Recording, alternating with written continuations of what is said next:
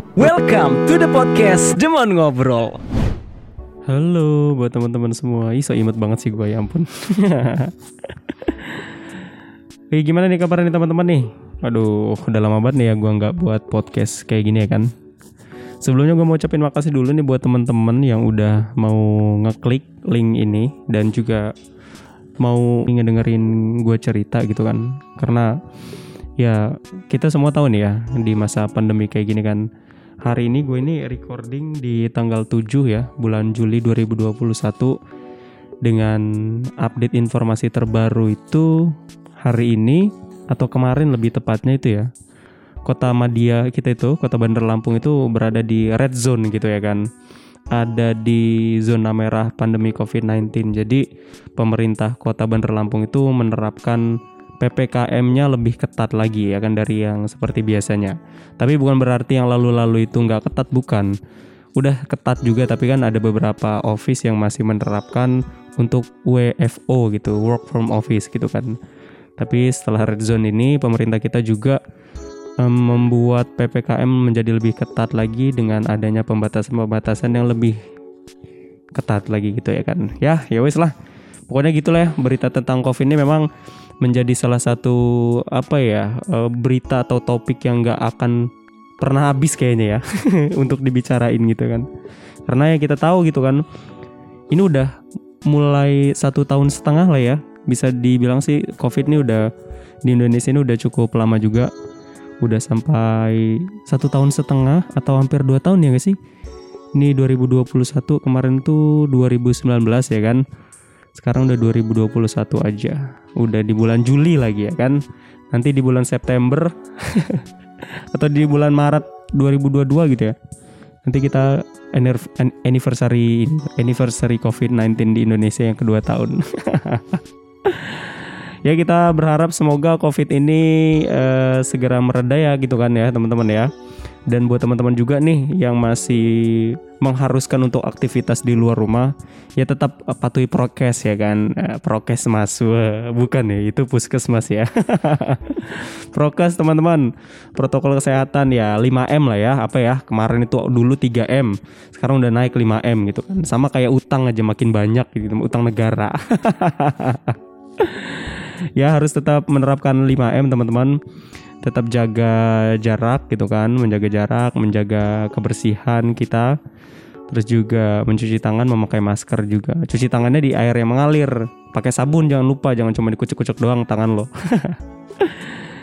ya, banyak orang yang bosen ketika pandemi ini berlangsung gitu kan.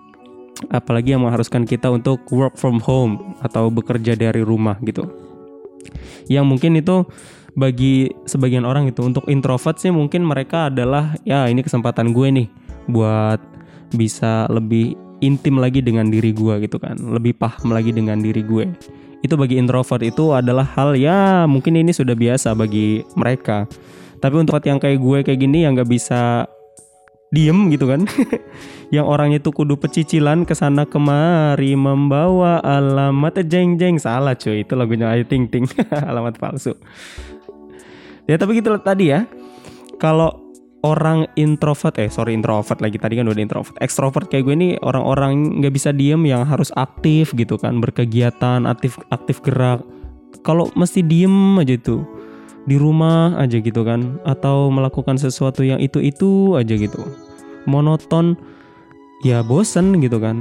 Ya akhirnya banyak nih orang-orang ya mungkin ya bukan cuman gue aja yang merasakan ketika harus melakukan apa-apa di rumah itu jadi boring, jadi jenuh gitu kan. Akhirnya salah satunya itu bisa mungkin ya bisa menyerang ini mental kesehatan mental kita gitu kan.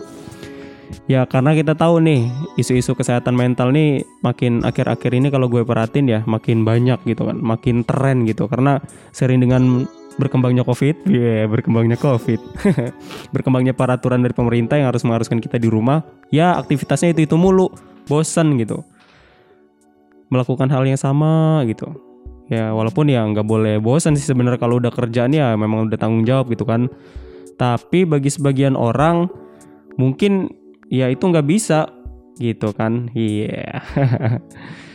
nah kesehatan mental ini tuh sebenarnya ya teman-teman ya sama pentingnya dengan kesehatan fisik kita. Jadi selain fisik kita yang sehat gitu kan, kesehatan mental juga itu harus bagus. Karena menurut gue ini ya, kesehatan mental itu bisa mempengaruhi kondisi fisik lo, boy. Girl gitu kan. Kalau yang dengar boy, boy. Kalau yang dengar girl, girl.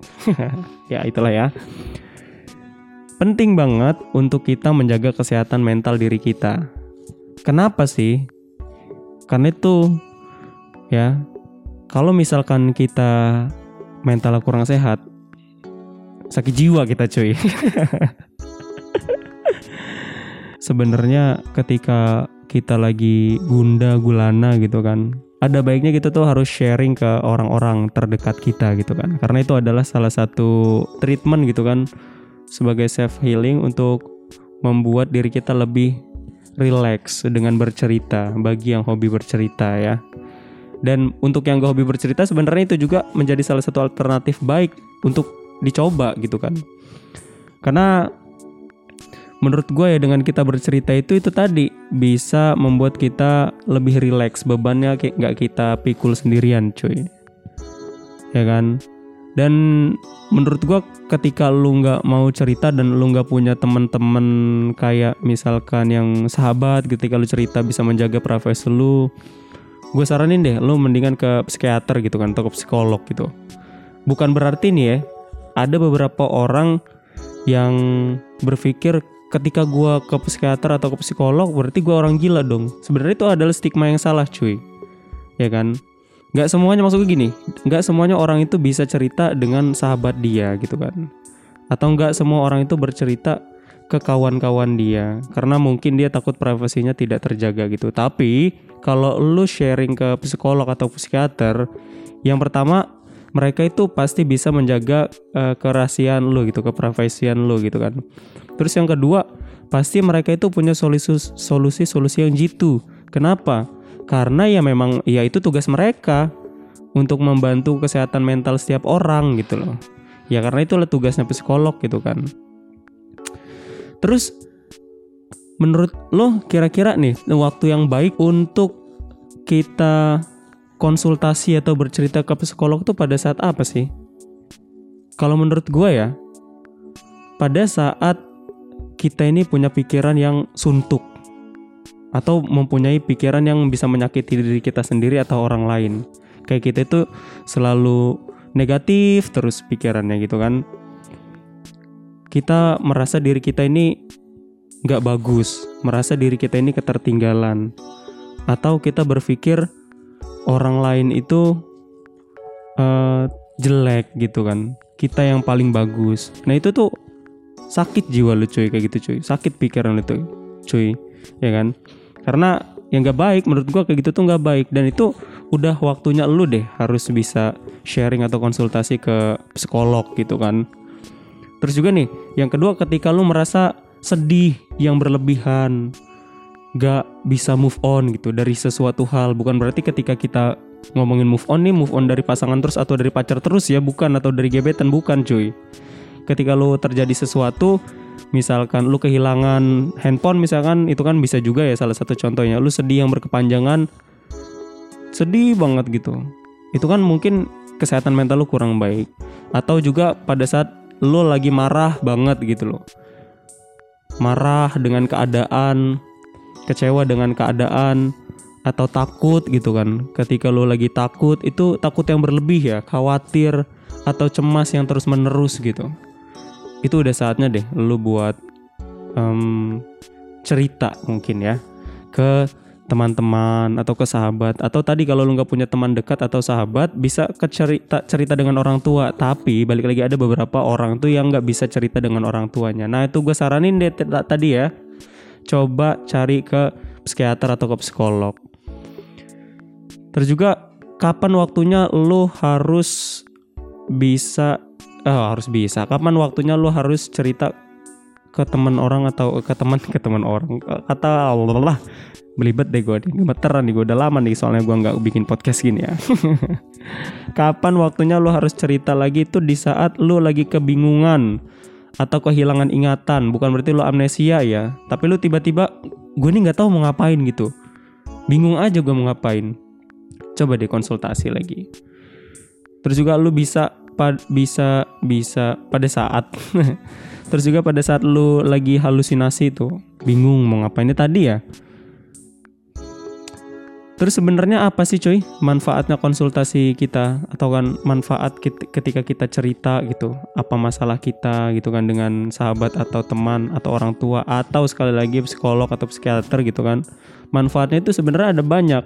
Ketika lu bercerita tadi itu tadi yang gue bilang salah satunya adalah bisa membuat hati menjadi tenang ya kan? Terus kalau misalkan kita cerita ke ahlinya itu ya yang jelas tuh mereka pasti bisa mengatasi rasa kehilangan dengan solusi-solusinya gitu kan. Solusi-solusi jitu yang tadi gue bilang ya. Iyalah, karena ya mereka ngerti ilmunya, paham ilmunya. Dan mereka memang udah di bidangnya gitu kan. Sama aja ketika lo ban ban motor lo itu uh, ini ban motor itu apa namanya uh, bocor gitu kan. Lu nggak ngerti cara nambalnya ya harus ke tukang tambal ban karena memang mereka ahlinya dan memang di bidangnya.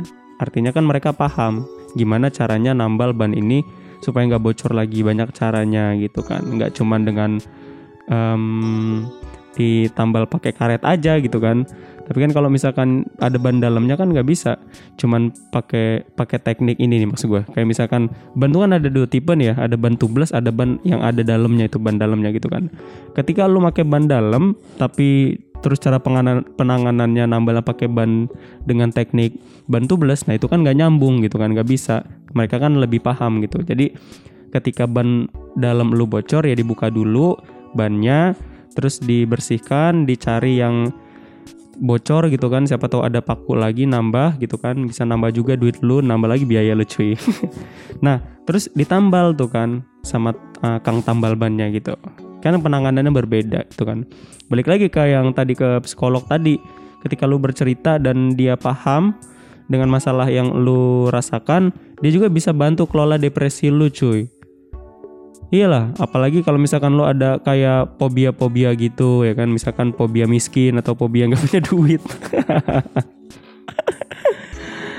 ya lebih ke pemahaman mereka lebih dalam gitu kan. Mereka bisa bantu untuk lo ngatasi rasa-rasa fobia.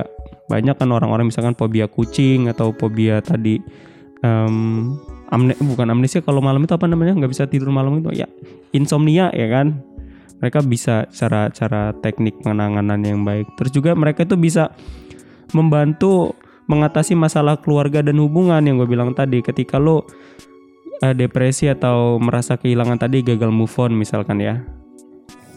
Mereka ya paling paham banget karena balik lagi tadi ya balik lagi terus muter-muter terus nih gue ngomongnya tapi memang bener sih memang ke situ. Karena mereka kan ahlinya mereka juga bisa mengatasi masalah keluarga dan hubungan keluarga misalkan hubungan asmara gitu kan hubungan antar pegawai pekerjaan gitu kan. Ya hubungan baik hubungan yang nggak baik mungkin dengan kita berkonsultasi dengan mereka itu menjadi insya Allah menjadi baik gitu kan. Manfaatnya itu banyak banget ketika kita bercerita atau konsultasi ke psikolog. Nah ada beberapa orang sukses juga nih ya yang mencapai tujuan itu dengan memvisualisasikan terlebih dahulu. Contohnya gini deh. Ketika gue sih, gue sih sering kayak gini, bukan berarti gue harus sukses bukan ya. Eh, kalau ini tipe gue nih, tipe gue nih ketika gue mau mencapai sesuatu tuh pasti gue tuh pertama ngayal dulu cuy. Terus ngayal apa yang pengen gue capai gitu kan tapi yang nggak yang masih realita ya yang nggak terlalu tinggi tinggi banget gitu kan. Misalkan gue pengen beli laptop gitu misalkan ya. Gue visualisasikan dulu dengan bayangan di pikiran gue itu laptopnya mau bentuk yang apa warnanya apa gitu kan. Layarnya berapa in gitu. Nah setelah itu ya gue mencoba untuk merangkai gimana caranya gue harus punya laptop. Ketika skema pertama tadi pertanyaan adalah gua pengen punya laptop. Pertanyaan selanjutnya adalah gimana caranya supaya gua punya laptop? Nah, gitu kan? Setelah itu, setelah tahu gimana caranya, ya kan? Kapan gua harus melakukan hal itu supaya gua bisa cepat punya laptop? Misalkan gimana tadi caranya supaya punya laptop? Ya kerja ngumpulin misalkan ngumpulin duit gitu kan. Kapan gua harus melakukan hal itu? Kapan gua harus ngumpulin duitnya? Ya sekarang atau nanti ketika sudah punya penghasilan yang cukup gitu untuk menyisihkan. Kita sudah tahu gimana terus kapan kita mau melakukan tinggal action cuy. Nah, dengan misalkan tadi balik lagi ya ke apa namanya ke cerita kita konsultasi dengan psikolog tadi ada hal-hal orang yang nggak paham dengan uh, teknik kayak gitu ketika dia harus memikirkan sendiri. Mungkin dengan cerita dengan psikolog tadi psikolog itu bisa membantu meningkatkan performa kita itu itu, itu cuy tadi tuh cuy. Dia bisa membukakan jalan tadi. Salah satunya tadi itu misalkan mungkin aja nih kamu kamu pengen apa? Misalkan kamu pengen ini gini caranya kayak gini kayak gini kayak gini segala macam.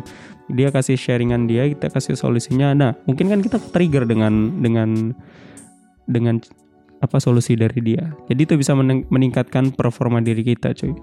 Dan yang terakhir itu ya dengan kita cerita tadi itu kita bisa menjernihkan mental kita, kita bisa merefresh lagi diri kita, kita bisa merefresh lagi pikiran kita, dengan solusi-solusi yang udah kita dapat gitu cuy.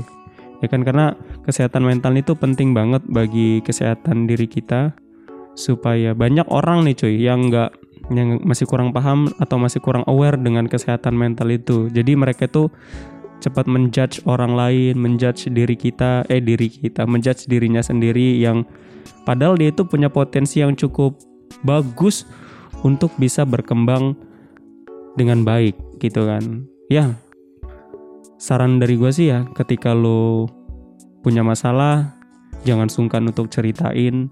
Ketika lo punya problem lagi tadi masalah tadi jangan sungkan untuk sharing hal-hal tersebut itu ke orang-orang yang lo anggap bisa memberikan lo solusi atau bisa menenangkan hati lo karena itu adalah salah satu alternatif membuat pikiran hati dan perasaan lu menjadi tenang cuy.